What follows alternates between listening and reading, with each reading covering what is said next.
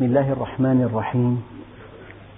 الحمد لله رب العالمين والصلاة والسلام على سيدنا محمد الصادق الوعد الأمين. اللهم لا علم لنا إلا ما علمتنا إنك أنت العليم الحكيم. اللهم علمنا ما ينفعنا وانفعنا بما علمتنا وزدنا علما.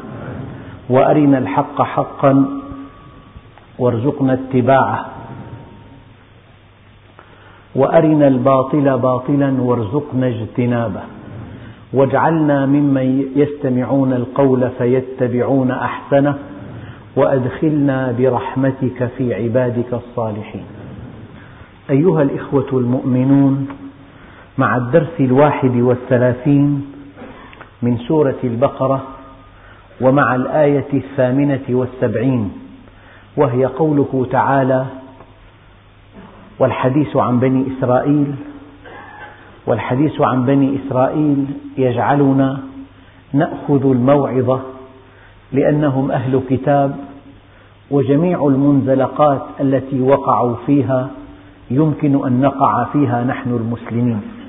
وبينت لكم في دروس سابقة كيف أن معظم الأمراض التي وقعوا بها وقع بها المسلمون. وهذا من أسلوب الحكيم. نعم. يقول الله عز وجل ومنهم أميون. الأميون جمع أمي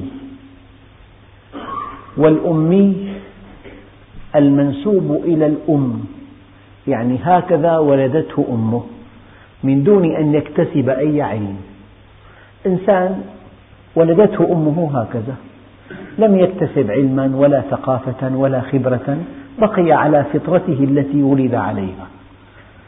لم يتلقى العلم. لكن هذه الآية فيها إشكال بسيط. هو أننا نفتخر بأن نبينا أمي النبي عليه الصلاة والسلام حقيقة لا بد من توضيحها. الأمية برسول الله صلى الله عليه وسلم كمال مطلق لأن الله سيوحي إليه. كل إنسان طالب علم يفتخر بأستاذه. هذا يقول لك أنا خريج الجامعة الفلانية. هذا يقول لك أنا أستاذي فلان. فإذا تاه أكبر علماء الأرض بأساتذتهم الكبار فالنبي عليه الصلاة والسلام الذي علمه هو الله. علمه شديد القوى ذو مرة فاستوى.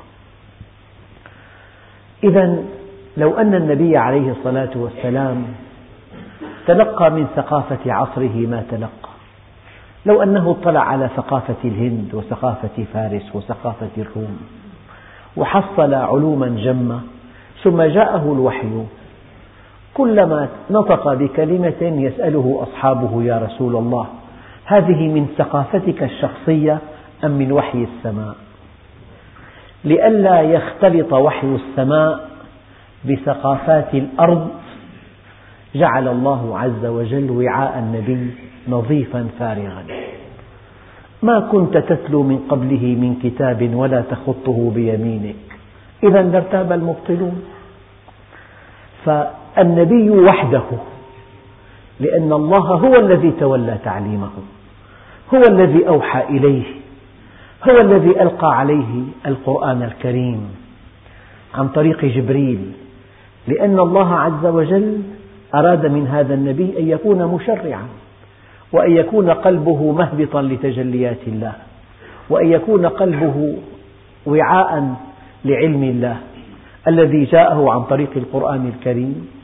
فاقتضت حكمة الله جل جلاله أن يكون نبينا صلى الله عليه وسلم أميا.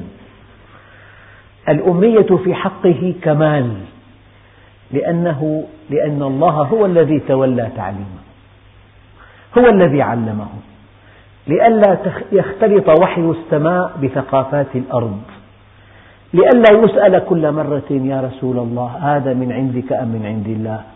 أهذا من ثقافتك؟ أهذا من دراساتك؟ من تحصيلك؟ من اطلاعك على ثقافات أهل الأرض أم من وحي السماء؟ لئلا يكون هذا جعل الله نبيه أميا. أما نحن نحن ليس هناك وحي يعلمنا. فإذا كنا أميين يعني, يعني جاهلين. فالأمية فينا نقص والأمية في حق النبي كمال فلنستثني النبي عليه الصلاة والسلام لأن أميته تعني أنه أن كل الذي ينطق به إن هو إلا وحي يوحى. وما ينطق عن الهوى إن هو إلا وحي يوحى. يا رسول الله أنكتب عنك وأنت غاضب؟ أنأخذ عنك وأنت غاضب؟ فأمسك عليه الصلاة والسلام لسانه بيده وقال والذي بعثني بالحق إن هذا اللسان لا ينطق إلا بالحق. في الغضب والرضا. أما الأمي المنسوب إلى أمه هكذا ولدته أمه من دون علم. ما تعلم ما تثقف ما طلب العلم ما اطلع على ثقافات العصر ما طلب العلم الشرعي أمي يعني غير متعلم. إذا بحق الإنسان العادي صفة نقص. أما بحق النبي عليه الصلاة والسلام لأن الله علمه. يعني يأتي إنسان الآن يحمل ليسانس في الشريعة يتناول عدد من أحاديث رسول الله يضبطها ويشرحها ويستنبط الأحكام منها ويقدمها أطروحة ينال لقب دكتور. هذا الدكتور نال هذا اللقب لأنه فهم بعض أحاديث رسول الله. يا أيها الأمي حسبك رتبة في العلم أن دانت لك العلماء. فالنبي عليه الصلاة والسلام موضوع آخر. أما الأمية بحق الناس صفة نقص فيهم. يعني ما تعلم ما طلب العلم جاهل. لذلك قالوا العوام لأن يرتكبوا الكبائر أهون من أن يقولوا على الله ما لا يعلمون. وطلب العلم فريضة على كل مسلم. قالوا على كل شخص مسلم ذكرا كان أو أنثى. الناس رجلان عالم ومتعلم ولا خير فيما سوى ذلك. كن عالما أو متعلما أو مستمعا أو محبا ولا تكن الخامسة فتهلك. إذا أردت الدنيا فعليك بالعلم وإذا أردت الآخرة فعليك بالعلم وإذا أردتهما معا فعليك بالعلم. والعلم لا يعطيك بعضه إلا إذا أعطيته كلك فإذا أعطيته بعضك لم يعطك شيئا. يظل المرء عالما ما طلب العلم فإذا ظن أنه قد علم فقد جهل. أيها الإخوة حينما تطلب العلم تلبي الحاجة العليا في الإنسان. الإنسان له حاجات دنيا. يأكل ويتزوج ويثبت ذاته. هذه حاجاته الدنيا. لكن حاجته العليا أن يطلب العلم. ولا تؤكد أنك إنسان إلا بطلبك العلم.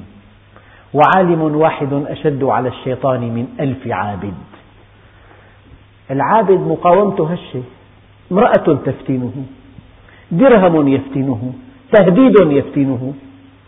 أما العالم لا يتأثر لا بسبائك الذهب اللامعة ولا بسياط الجلادين اللابعة. أحد أحد. فالعلم أساس. ومنهم أميون يعني غير متعلمين يخلطون الحق بالباطل والخير بالشر والسنة بالبدعة. ويتبعون الأهواء بيقول لك سحروني بالحق السحرة بالحق الدجالين بالحق المخرفين يدخل بضلالات في ترهات. هذا شأن الجاهل.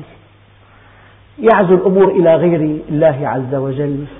يقيم للناس مقاما كبيرا وهم ليسوا كذلك. جاهل. يعني قال لي أحد الأخوة الدعاة قال لي أبلقي درس أتحدث عن فساد الزمان.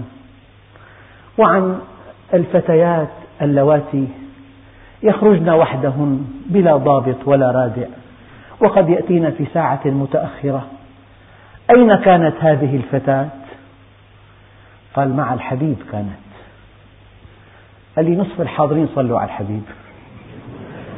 ما فهموا ماذا قلت؟ صلوا على الحبيب. إمام يقرأ في آية ولا الضالين الكل قالوا آمين وراه آية هي لم ينتهي. ليست آية نهاية الفاتحة. آية أخرى فيها ولا الضالين. قالوا آمين. كلهم ومنهم أميون. أيام يسمع الإنسان القرآن وسيق الذين كفروا إلى جهنم زمرا. مو منتبه. الله يجعلنا منهم بيقول. ومنهم أميون. لا يعلمون الكتاب إلا أماني. يعني بيقول لك نحن عبيد امتحان. عبيد إحسان. ما لنا عبيد امتحان. لا يسعنا إلا عفوه وكرمه. وكل ما شاهد معاصي كبيرة لك ترتيب سيدك كله. كأن الله يأمر بهذه المعاصي. كلام ما له معنى. وإذا شاف إنسان الله آتاه بيقول لك الله عاطي الحلاوة اللي ما له دراس. يعني الله مو حكيم معناته كلامه كله في في تجاوز. أيام كلامه في كفر وهو لا يشعر. مشكلة الجاهل مشكلة كبيرة جدا. والله أيها الإخوة لا نستحق أن نكون من بني البشر إلا إذا طلبنا العلم. وهذا طالب العلم إنسان كبير جدا عند الله. أن أنت حينما تأتي إلى البيت إلى بيت من بيوت الله تطلب العلم. تسلك طريقا ينتهي بك إلى الجنة. من سلك طريقا يلتمس فيه علما سهل الله له طريقا إلى الجنة. إن الملائكة لتضع أجنحتها لطالب العلم رضا بما يصنع. يعني قصتان ذكرتهما كثيرا. إنسان أذكر قبل ثلاثين عام تقريبا أو خمسة وعشرين عام قال لي رأيته يبكي في هذا المسجد. قلت له خير إن شاء الله. قال لي والله تخونني زوجتي. قلت له مع من؟ قال لي مع رجل من جيران كيف تعرفت عليه؟ قال لي والله مرة زارنا. قلت لحالي قاعدة لحالها بالبيت. تعي أم فلان عندي معنا مثل أخوك. جاهل. هذا الجهل. دفع الثمن باهظ. يعني إنسان ركبت معه امرأة. أين يا أختي تذهبين؟ قال خذني أينما تشاء. ظن أنها مغنم كبير. أصيب بمرض الإيدز وأخذ منها مبلغا من الدولارات المزيفة دخل به السجن. الإنسان لما يطلب العلم بصير عنده حارس. يا بني العلم خير من المال. لأن العلم يحرسك وأنت تحرس المال. والمال تنقصه النفقة والعلم يزكو على الإنفاق. العلم يزكو على الإنفاق. والله أيها الإخوة بالمناسبة يعني كل الناس هناك قيم مرجحة بين الناس. المال قيمة عند الناس قيمة كبيرة جدا. والغني محترم والقوي محترم والوسيم محترم والفصيح محترم. يعني من له هيك قدرة على إقناع الناس محترم. هي كلها قيم مرجحة بين الناس. ولكن الله ولكن الله في القرآن الكريم جعل قيمة العلم وحدها المرجحة. قال هل يستوي الذين يعلمون والذين لا يعلمون؟ أين الثرى من الثريا؟ نعم. آه، وجعل قيمة العمل قيمة مرجح مرجحة. قال ولكل درجات مما عملوا. يرفع الله الذين آمنوا منكم والذين أوتوا العلم درجات. هؤلاء الأنبياء العظام الذين هم قمم البشرية بما نالوا هذا المقام؟ بالعلم. ولما بلغ أشده واستوى آتيناه حكما وعلما. الله عز وجل قد يعطي الملك لمن لا يحب ويعطيه لمن يحب. أعطاه لسليمان الحكيم وأعطاه لفرعون. ولكن العلم والحكمة لا يعطيهما إلا لمن يحب. ولما بلغ أشده واستوى آتيناه حكما وعلما. يعطي المال لمن يحب لسيدنا عثمان بن عفان ولسيدنا عبد الرحمن بن عوف. ويعطي المال لقارون ولمن لا يحب. ولكن العلم والحكمة لا يعطيهما إلا لمن يحب. فيا أيها الإخوة أدعوكم إلى طلب العلم. أدعوكم إلى الحرص عليه. أدعوكم إلى تلبية الحاجة العليا في الإنسان. أدعوكم إلى تلبية ما يؤكد إنسانيتكم. ألا وهو العلم. والعلم الذي أقصده أن تعرف الله وأن تعرف منهجه. لأنك إن عرفت الله وعرفت منهجه وصلت إلى السلامة والسعادة. بالمناسبة كل علم ممتع. بس ما كل علم ممتع نافع.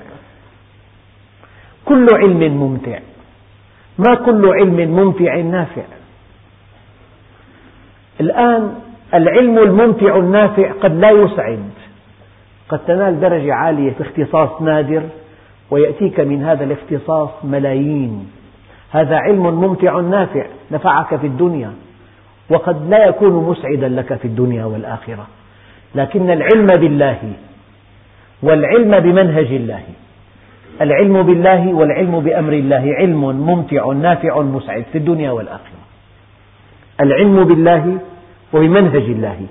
علم نافع ممتع مسعد في الدنيا والآخرة. فأنت حينما تأتي إلى بيت من بيوت الله لطلب العلم تسلك طريقا إلى الجنة. وحينما تطلب العلم تكون أثيرا عند الله عز وجل.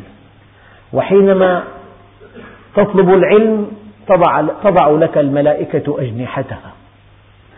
وللإمام أبي حنيفة رحمه الله تعالى قصة مثيرة هي أن الذي جعله يطلب العلم أنه قرأ نصا في الأحاديث أنه من طلب العلم تكفل الله له برزقه. يعني يسر الله له سبل الدنيا. إنسان يطلب العلم يطلب أن يعرف الله يطلب أن يسعد في الدنيا والآخرة. الله جل جلاله ييسر له سبل العلم في الدنيا وسبل السلامة والسعادة. أما الآية الكريمة ومنهم أميون. يعني بعض بعضهم الآخر ليسوا أميين. بعضهم الآخر ليسوا أميين. بعضهم الآخر يعلمون الحقيقة. ويعرفون النبي كما يعرفون أبناءهم. الآن دخلنا في موضوع ثاني. أنت حينما تعلم قد يكون هذا العلم حجة عليك. العلم حجة لك أو عليك. حينما تعلم ولا تعمل أصبح العلم حجة عليك. وحينما تعلم وتعمل أصبح العلم حجة لك. وعالم بعلمه لم يعملا معذب من قبر عباد الوثن. تعلموا ما شئتم فوالله لن تؤجروا حتى تعملوا بما علمتم. وكل علم وبال على صاحبه ما لم يعمل به والعلم ما عمل به فإن لم يعمل به كان الجهل أولى. أضع بين أيديكم هذه الحقيقة. لو, أنه لو أنك علمت علم اليقين أن أشعة الشمس لو تعرضت لها لشفي جلدك من مرض جلدي وأن هذا المرض لا يعالج إلا بالتعرض لأشعة الشمس. لو أنك تقبع في غرفة مظلمة وأشعة الشمس ساطعة خارج الغرفة وقلت أنا مؤمن بأن الشمس ساطعة أنت تكلمت الحقيقة ولكن لأنك لم تخرج لأشعة الشمس هذه الحقيقة لم تنتفع بها ولا قيمة لها. ولو أنك قلت الحقيقة يعني أنت إذا أقررت أن الله خلق الكون ولم تأتمر بما أمر ولم تنتهي عما عنه نهى وزجر ما قيمة هذا الإيمان؟ أنت حينما تعتقد بما جاء في القرآن ولا تعمل به ما قيمة هذا الاعتقاد؟ سماه بعض العلماء إيمان إبليسي أو إيمانا إبليسيا. لأنه إبليس قال له ربي فبعزتك وقال له خلقتني وقال له أنظرني إلى يوم يبعثون. آمن بالله خالقا وآمن به عزيزا وآمن باليوم الآخر ولم يطع الله عز وجل. فالعلم ما عمل به فإن لم يعمل به كان الجهل أولى. فأخطر شيء ينزلق إليه المسلمون أن يعدوا العلم هدفا بذاته. العلم وسيلة وليس هدفا. الهدف أن تعمل به. الهدف أن ترتقي به إلى الله عز وجل. لذلك بعض هؤلاء اليهود يعلمون أن النبي رسول الله. يعرفونه كما يعرفون أبناءهم. ولكن حفاظهم على مكاسبهم. وحفاظهم على رئاستهم. لأتباعهم وحفاظهم على شهواتهم وعلى هذه المكاسب الكثيرة التي حصلوها بمكانتهم الدينية جعلتهم يركبون رؤوسهم وينكرون على النبي رسالته. ومنهم أميون وبعضهم الآخر ليسوا أميين. لا البعض الآخر إن عملوا بما علموا نجوا كعبد الله بن سلام جاء النبي عليه الصلاة والسلام وأعلن إسلامه وكان يبكي خشوعا من خشية الله. فالذين يعلمون الحقيقة إن استجابوا لها نجوا وسلموا وسعدوا وإن لم يستجيبوا لها كان علمهم حجة عليهم. أما الخط العريض في المجتمع أميون. قال له يا بني الناس ثلاث. عالم رب سيدنا علي. عالم رباني. ومستمع على سبيل نجاة أو متعلم على سبيل نجاة. وهمج رعاع أتباع كل ناعق. لم يستضيئوا بنور العلم ولم يلجأوا إلى ركن وثيق فاحذر يا كميل أن تكون منهم. يا كميل الناس ثلاث. عالم رباني ومتعلم على سبيل نجاة وهمج رعاع أتباع كل ناعق. لم يستضيئوا بنور العلم ولم يلجأوا إلى ركن وثيق. فاحذر يا كميل أن تكون منهم. فاليهود منهم أميون ومنهم غير أميين. وهؤلاء غير الأميين منهم من استجاب لعلمه فسلم وسعد ومنهم من حافظ على مكاسبه الدنيا فشقي في الدنيا والآخرة. لذلك قالوا هناك من يفتي بعلم وهناك من يفتي بغير علم وهناك من يفتي بخلاف ما يعلم. فالذي يفتي بعلم نجا والذي يفتي بغير علم هلك. ولكن الذي يفتي بخلاف ما يعلم أجرم. يعرف الحقيقة ويفتي بخلافها. نعم. فهؤلاء الذين ليسوا أميين حافظوا على مكاسبهم. فركبوا رأسهم وأنكروا نبوة النبي عليه الصلاة والسلام. بالمناسبة أيها الإخوة الاختلاف بين الناس له ثلاث أنواع. هناك نوع طبيعي طبيعي جدا. لا يمدح ولا يذم طبيعي. هو الاختلاف بسبب نقص المعلومات. كان الناس أمة واحدة فاختلفوا هذا اختلاف طبيعي لا يمدح ولا يذم. ولكن هناك اختلافا قذرا. بعد أن أتى العلم وبعد أن جاء اليقين وبعد أن توضحت الأمور نختلف لنحافظ على مكاسبنا.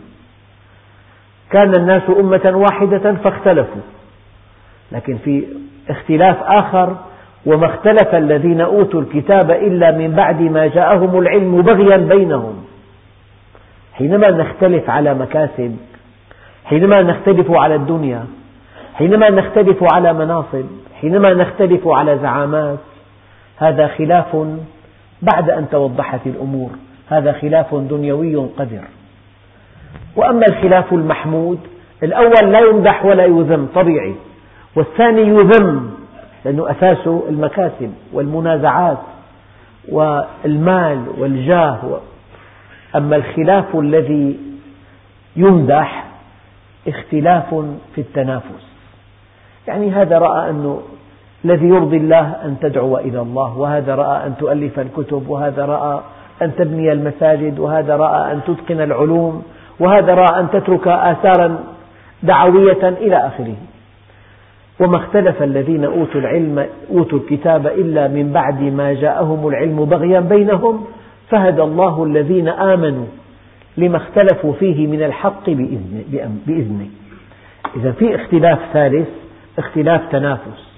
الله عز وجل قال وفي ذلك فليتنافس المتنافسون لمثل هذا فليعمل العاملون. الآن هؤلاء الذين يلعبون بدين الله هؤلاء الذين يحلون الحرام ويحرمون الحلال هؤلاء الذين يتكلمون بما لا يعلمون يهرفون بما لا يعلمون هؤلاء يقول الله عنهم فويل. ويل. الهلاك والشقاء. فويل للذين يكتبون الكتاب بأيديهم. ثم يقولون هذا من عند الله ليشتروا به ثمنا قليلا. فويل لهم مما كتبت أيديهم وويل لهم مما يكسبون أيام الإنسان تقوم مصلحته على أن يبتدع في الدين ابتداعا ما أنزل الله به من سلطان. يبتدع في الدين فتأتيه المكاسب الدنيوية. هؤلاء الذين يبتدعون مذاهب ليس لها أصل في الدين. يبتدعون آه، فتاوى ليس لها أصل في الدين. يعني يحلون بعض, بعض ما حرمه الله عز وجل.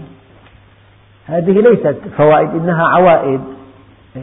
فتوى يصدرها مثلا جهة معتمدة في الفتوى تبين أنه أكل مال الربا حلال. هؤلاء الذين يعلمون الحقيقة ويفتون بخلاف ما يعلمون طبعا عند اليهود موجودون وعند كل دين موجودون. فويل للذين يكتبون الكتاب بأيديهم ثم يقولون هذا من عند الله ليشتروا به ثمنا قليلا. لمكاسب دنيوية. يعني نحاول أن نسهل للناس أمور حياتهم. نصدر فتوى هي مسموح بها وهي مسموح بها وهي مسموح بها. ما بقي شيء من الدين. هذا الكيان المتماسك هذه القلعة الصامدة أصبحت رمل. تل من الرمل انتهى الدين. فأخطر شيء هذا الذي يفتي بغير علم أو الذي يفتي بخلاف ما يعلم من أجل الدنيا. من أجل مكاسب دنيوية. فهذا الإنسان الذي يبيع دينه بدنياه يبيع دينه بعرض من الدنيا قليل بعرض لا يقدم ولا يؤخر. يعني كلمة ينبغي أن نعلمها جميعا وهي أن الإنسان لا يليق به أن يكون لغير الله. لا يليق به ولا يفلح إذا كان لغير الله. يعني وقتك وعلمك ولسانك وعضلاتك وإمكاناتك وحبك وولاءك لله وحده. أما لغير الله هذا الذي تعبده من دون الله لا يملك لك نفعا ولا ضرا بل لا يملك لنفسه نفعا ولا ضرا. لا يملك. يعني أخطر شيء في الحياة الدينية الشرك. طبعا أخوف ما أخاف على أمتي الشرك الخفي. أما إني لست أقول إنكم تعبدون صنما ولا حجرا ولكن شهوة خفية وأعمال لغير الله. شهوة خفية وأعمال لغير الله. فويل الله عز وجل يتوعد. يعني من هو المؤمن؟ الأمين على فتوى النبي عليه الصلاة والسلام. قد تفتي فتوى يعني الإمام أبو حنيفة أفتى فتوى فدخل السجن من أجلها ومات في السجن كما يروى. العلماء الصادقون هؤلاء أمناء على الفتوى. لا يفتون إلا بما بما يرضي الله عز وجل ورسوله. فالآية تشير إلى إنسان استخدم الدين مطية للدنيا. استخدم الدين مطية للدنيا. استخدم جعل الدين في الوحل جعله مطية لدنياه. فأنت تطلب الدنيا من مظانها. تريد الدنيا ابحث عن مظانها. في التجارة وفي الكسب المشروع وفي أي شيء آخر. أما أن تبحث عن الدنيا من خلال الدين فهذا والله عمل شنيع. فويل للذين يكتبون الكتاب بأيديهم. ثم يقولون هذا من عند الله ليشتروا به ثمنا قليلا الشيء الملاحظ أنه كل ما اشتد ضغط الناس على بعض العلماء العلماء بدل أن يرفعوا الناس إلى مستوى الشرع يهبطون بالدين إلى مستوى الناس يعني لدرجة مرة إنسان يدير مسبح مختلط عمل فيه مولد ودعا أناس تكلموا وأثنوا ومدحوا هذا ماذا يفعل؟ هذا يرتكب أكبر معصية. يدير مسبح مختلط نساء ورجال. شبه عرايا يسبحون مع بعضهم بعضا. ومع ذلك يقيم احتفال بعيد المولد في المسبح نفسه ويدعو من يتكلم ويثني عليه. فهؤلاء الذين يمتهنون الدين يعني المشكلة أنه بدل أن نرتفع بالناس إلى مستوى الشريعة. في حل آخر أن نهبط بالدين إلى مستوى الناس. فهي مشروعة وهي فيها فتوى وهي في رأي ضعيف يجيزها وهي بلوى عامة شو بدنا نساوي وهي بعد حين صار الغناء والموسيقى والتمثيل كله مسموح والاختلاط وأكل المال الحرام والربا والفوائد ما بقي شيء حتى الصحون مسموحة صارت. مشكلة كبيرة جدا. طبعا مو صحون المائدة صحون الأسطحة. نعم. أيها الإخوة الكرام كل إنسان يلعب بدين الله الله عز وجل يتوعده بالهلاك. يعني إياك أن تقترب من دين الله. دعه في السماء دعه في عليائه دعه في صفائه دعه في نقائه. لا تستخدمه وسيلة لمكاسب دنيوية. لا تشتري به ثمنا قليلا. لا تتاجر بالدين. لا تتخذ الدين مطية للدنيا. هذا عمل كبير جدا عند الله عز وجل. فيجب أن تعلم من هو الطرف الآخر. إن تتوبا إلى الله فقد صغت قلوبكما. وإن تظاهرا عليه فإن الله هو مولاه. وجبريل وصالح المؤمنين والملائكة بعد ذلك ظهير. أنت حينما تلعب بدين الله أنت حينما تؤول النصوص تلوي عنق النصوص لمصلحتك لمغانمك لمكاسبك. أنت تشوه الحقيقة. الله عز وجل بالمناسبة ذكر المعاصي بتسلسل تصاعدي فذكر الفحشاء والمنكر والإثم والعدوان وذكر الشرك وذكر الكفر وجعل في قمة هذه المعاصي وأن تقولوا على الله ما لا تعلمون. وأن تقولوا على الله ما لا تعلمون. الإمام الشافعي رحمه الله تعالى له كلمة مخيفة. قال لأن أرتزق بالرقص أفضل من أن أرتزق بالدين. لا ترتزق بالدين. دع الدين في عليائه. لا تشتري بالدين ثمنا قليلا. لا تحقق مكاسب الدنيا من خلال الدين. عندئذ تلوي عنق النصوص وتعطي فتاوى غير صحيحة وتعطي للناس تسهيلات. هم على هم في ذمتك وفي رقبتك يوم القيامة والفتوى جسر إلى النار. أنا حدثني عالم جليل في دمشق قال لي يعني من غرائب الصدف أنني كنت في بلد عربي وفي حضرة عالم جليل احتل منصب رفيع جدا وكان على فراش الموت ولفظ أنفاسه أمامي. قبيل أن يودع الحياة رفع يديه إلى السماء وقال هكذا بيديه الاثنتين. قال يا رب إنني بريء من كل فتوى أفتيتها في المصارف عند فراش الموت عرف الحقيقة. فأيها الإخوة الكرام استفتي قلبك وإن أفتاك المفتون وأفتوك. يعني أنت حينما تخرج من بيتك تريد أن تبيع بيتك.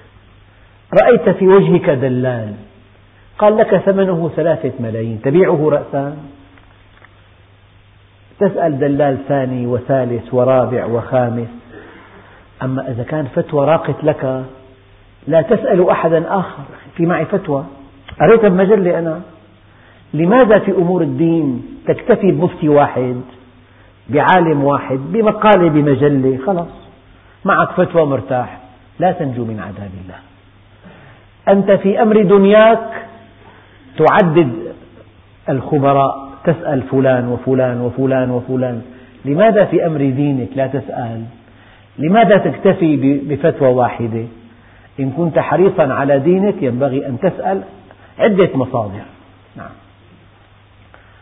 ثم أن الإنسان حينما يسأل ويأتيه الجواب يعني إذا كان جاهل إذا كان أمي قال مقبول منه لأنه الأمي مذهبه مذهب من يسأله.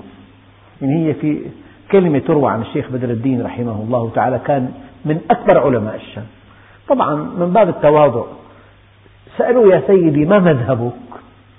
قال يا أبا العوام ما له مذهب.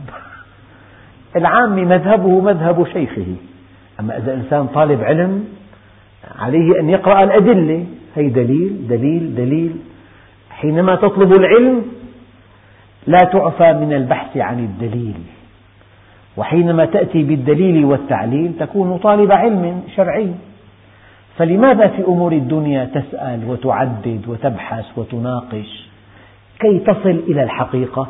لماذا في أمر الدين تكتفي بفتوى واحدة؟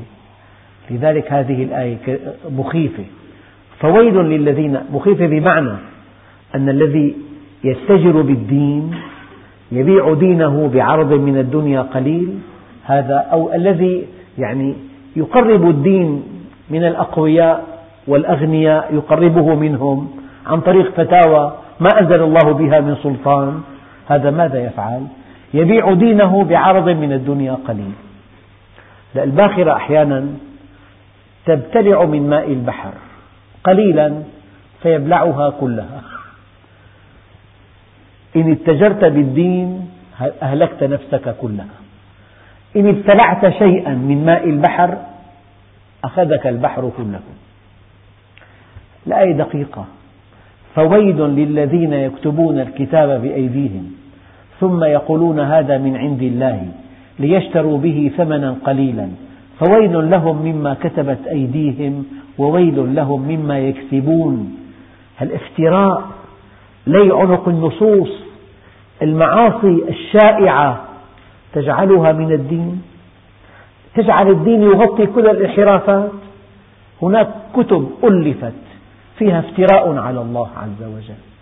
تجعل السلوك الإباحي مغطى بالقرآن. القراءة معاصرة هذه.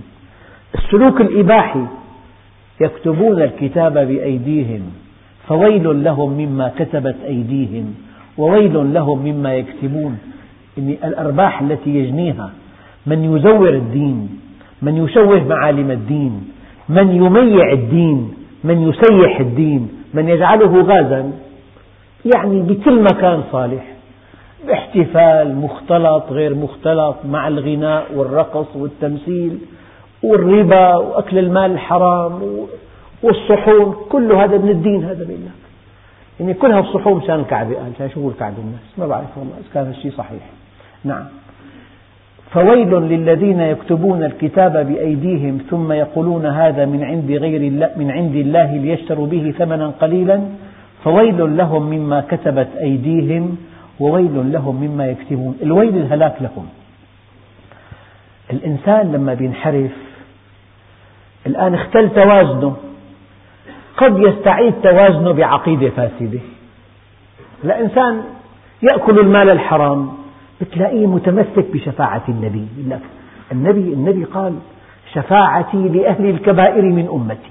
مرتاح تماما يعني هذه هذه الكبائر التي يفعلها يعني بالنهاية يشفع له النبي. طبعا هذا الفهم ساذج الشفاعة حق موجودة. أما النبي يشفع لمن مات مخلصا غير مشرك. وإذا الواحد مات غير مشرك يكون حصل أعلى شهادة. على كل هذا الذي تنحرف تنحرف أو ينحرف سلوكه يتعلق بعقيدة زائغة. ما دام انحرف يحتاج إلى مفهوم الشفاعة. مفهوم لا تدقق الله ما بيدقق. الإنسان لما بينحرف بيحتاج إلى تغطية من عقائد زائغة. لما بينحرف. وهذا الذي فعله اليهود. بعدما انحرفوا وأكلوا المال الحرام وأفسدوا أهل الأرض وتاجروا بالدين وغيروا وبدلوا وحرفوا وزوروا قال وقالوا قال إنهم شعب الله المختار وقالوا لن تمسنا النار إلا أياما معدودة. بعض المسلمين يرتكب الكبائر لك أمة محمد مرحومة. من قال لك ذلك؟ الله عز وجل حينما قال كنتم خير أمة أخرجت للناس. علة هذه الخيرية تأمرون بالمعروف وتنهون عن المنكر وتؤمنون بالله. فإن لم نأمر بالمعروف ولم ننهى عن المنكر ولم نؤمن بالله الإيمان المنجي أين خيريتنا؟ انتهت خيريتنا. نحن أمة كبقية الأمم. وقالت اليهود والنصارى نحن أبناء الله وأحباؤه. دققوا. قل فلم يعذبكم بذنوبكم؟ بل أنتم بشر ممن خلق. لو قال المسلمون نحن مسلمون. نحن أتباع النبي. نحن أتباع سيد الخلق. الجواب قل فلم يعذبنا الله بذنوبنا؟ فخلف من بعدهم خلف أضاعوا الصلاة واتبعوا الشهوات فسوف يلقون غيا. لذلك العلماء قالوا أمة محمد أمتان أمة التبليغ وأمة التشريف. حينما تأمر بالمعروف وتنهى عن المنكر وتؤمن بالله الإيمان المنجي أصبحت أمة التشريف الأمة الخيرة. كنتم خير أمة حينما تفعلون كذا وكذا. أما إن لم نفعل فنحن كبقية الأمم لا شأن لنا عند الله عز وجل. لذلك النبي قال لن تغلب أمتي من اثني عشر ألف من قلة لن يغلبوا في الأرض. وقال وإن جندنا لهم الغالبون. يعني زوال الكون أهون على الله. من أن نغلب إذا كنا جنودا لله. زوال الكون أهون على الله. من أن نغلب إذا كنا جنودا لله. أما إذا غلبنا يجب أن نراجع أنفسنا وندقق في جنديتنا لله. وقال تعالى إنا لننصر رسلنا والذين آمنوا في الحياة الدنيا. في الدنيا ولن يجعل الله للكافرين على المؤمنين سبيلا. مستحيل. إن تنصروا الله ينصركم ويثبت أقدامكم. وما النصر إلا من عند الله. الأمر بيد الله. فلما انحرفوا اختل توازنهم الآن يحاولون أن يستعيدوا هذا التوازن بعقيدة زائغة كما هي الحال عند المسلمين. لما انحرفوا لك نحن أمة محمد مرحومة. نحن لنا الشفاعة عند رسول الله. مرتاح. يتصور طالب كسلان ما درس أبدا. طبعا لما ما درس في عنده مشكلة. إجا طالب قال له هذا الأستاذ بيعطي الأسئلة قبل الجمعة. أنا مرتاح تمام. قضى العام الدراسي كله باللعب. راح طلب الأسئلة. قام طعمها قتل ما في أسئلة. دروس. طالب إنسان له دعوة عند قاضي والحكم خطير جدا. قال له شخص القاضي بيقبض. فهيك أظن توهم وهم. ارتاح. فلما جاء ليدفع للقاضي زجره وطرده وحكم له. حكم عليه. فهي مفاجأة كبيرة. يعني الإنسان لا دقق في قوله تعالى. يا أيها الذين آمنوا لا تغرنكم الحياة الدنيا. ولا يغرنكم بالله الغرور الشيطان. يقول لك الله غفور رحيم. اسمع الآية. نبئ عبادي أني أنا الغفور الرحيم وأن عذابي هو العذاب الأليم. قل يا عبادي الذين أسرفوا على أنفسهم لا تقنطوا من رحمة الله. إن الله يغفر الذنوب جميعا. يقول وأنيبوا إلى ربكم وأسلموا له. من قبل أن يأتيكم العذاب ثم لا تنصرون. فدائما مع الرجاء في تخويف. فالإنسان المفروض أن يكون راجيا لله خائفا منه في وقت واحد. يا فاطمة بنت محمد يا عباس عم رسول الله أنقذا نفسيكما من النار. أنا لا أغني عنكما من الله شيئا. لا يأتيني الناس بأعمالهم وتأتوني بأنسابكم. من يبطئ به عمله لن يسرع به نسبه. أفمن حقت عليه كلمة العذاب؟ أفأنت؟ يعني يا محمد تنقذ من في النار. يقول أمتي أمتي. يقال له لا تدري ماذا أحدث بعدك. يقول سحقا سحقا. مرة ثانية أيها الإخوة وهذه نصيحة لوجه الله. الحقيقة المرة أفضل ألف مرة من الوهم المريح. لا تعيش بوهم مريح. لو معك شيك بمئة ألف دولار مزور. إذا ماك عرفانه مزور مرتاح تمام أنت. مرتاح. معك مبلغ ضخم. ثروة ضخمة هي. أما لو كشفت أنه مزور ومزقته وعملت عملا شريفا لكنت في حال غير هذا الحال. الحقيقة المرة ولو أنها مرة أفضل ألف مرة من الوهم المريح. مسلمون كثر يعيشون في أوهام. في وهم أنه ما لنا علاقة نحن. هيك الله كتب علينا. وقال الذين أشركوا لو شاء الله ما أشركنا. هذا قضاء وقدر يا أخي. هذا الله له الهداية. كلام أعوذ بالله. الله مو رايد له يهتدي. الله ما هدى. خلقه كافر. شو بده يسوي بحاله؟ مرتاح. ما لقيت واحد هو متألق بالدين. الله كاتب عليكم مؤمن. بس إذا كان عصى بالمعاصي والفجور والآثام الله كاتب عليه. ليش لما بتكون مستقيم ويقول لك عمل طيب ما بتقول الله كتب عليك هيك؟ والله انتبهت لحالي. تبت صحيت ليش بالإيجابيات تعزيها لنفسك؟ والسلبيات تعزوها إلى الله عز وجل. هذا غير عمل منطقي. فالمرض الذي وقع به من اليهود وقعنا به. وقالوا لن تمسنا النار إلا أياما معدودة. قل أتخذتم عند الله عهدا فلن يخلف الله عهده. أم تقولون على الله ما لا تعلمون؟ طيب فمن يعمل مثقال ذرة خيرا يره ماذا نفعل بهذه الآية؟ ماذا نفعل بها؟ الجواب الإلهي بلى من كسب سيئة وأحاطت به خطيئته فأولئك أصحاب النار هم فيها خالدون. هذا الجواب الإلهي. بلى من كسب سيئة باختياره فعل سيئة لم يندم ولم يتب ولم يستغفر ولم يصحح. بالمناسبة أعتقد أربع خمس آيات في القرآن فيما أذكر ثم إن ربك للذين تابوا وآمنوا وعملوا الصالحات إن ربك من بعدها لغفور رحيم. افتحوا على كلمة من بعدها بالقرآن. تجد أن الله عز وجل لا يغفر إلا من بعد التوبة والإيمان والعمل الصالح. إن ربك من بعدها لغفور رحيم. قل أتخذتم عند الله عهدا فلن يخلف الله عهده أم تقولون على الله ما لا تعلمون بلى من كسب سيئة وأحاطت به خطيئته يعني لم يتب منها أحاطت به. فأولئك أصحاب النار هم فيها خالدون. والذين آمنوا وعملوا الصالحات أولئك أصحاب الجنة هم فيها خالدون. هذا كلام خالق الكون. الله عز وجل عدل. واسم العدل سيتحقق مطلقا بإطلاق تام يوم القيامة.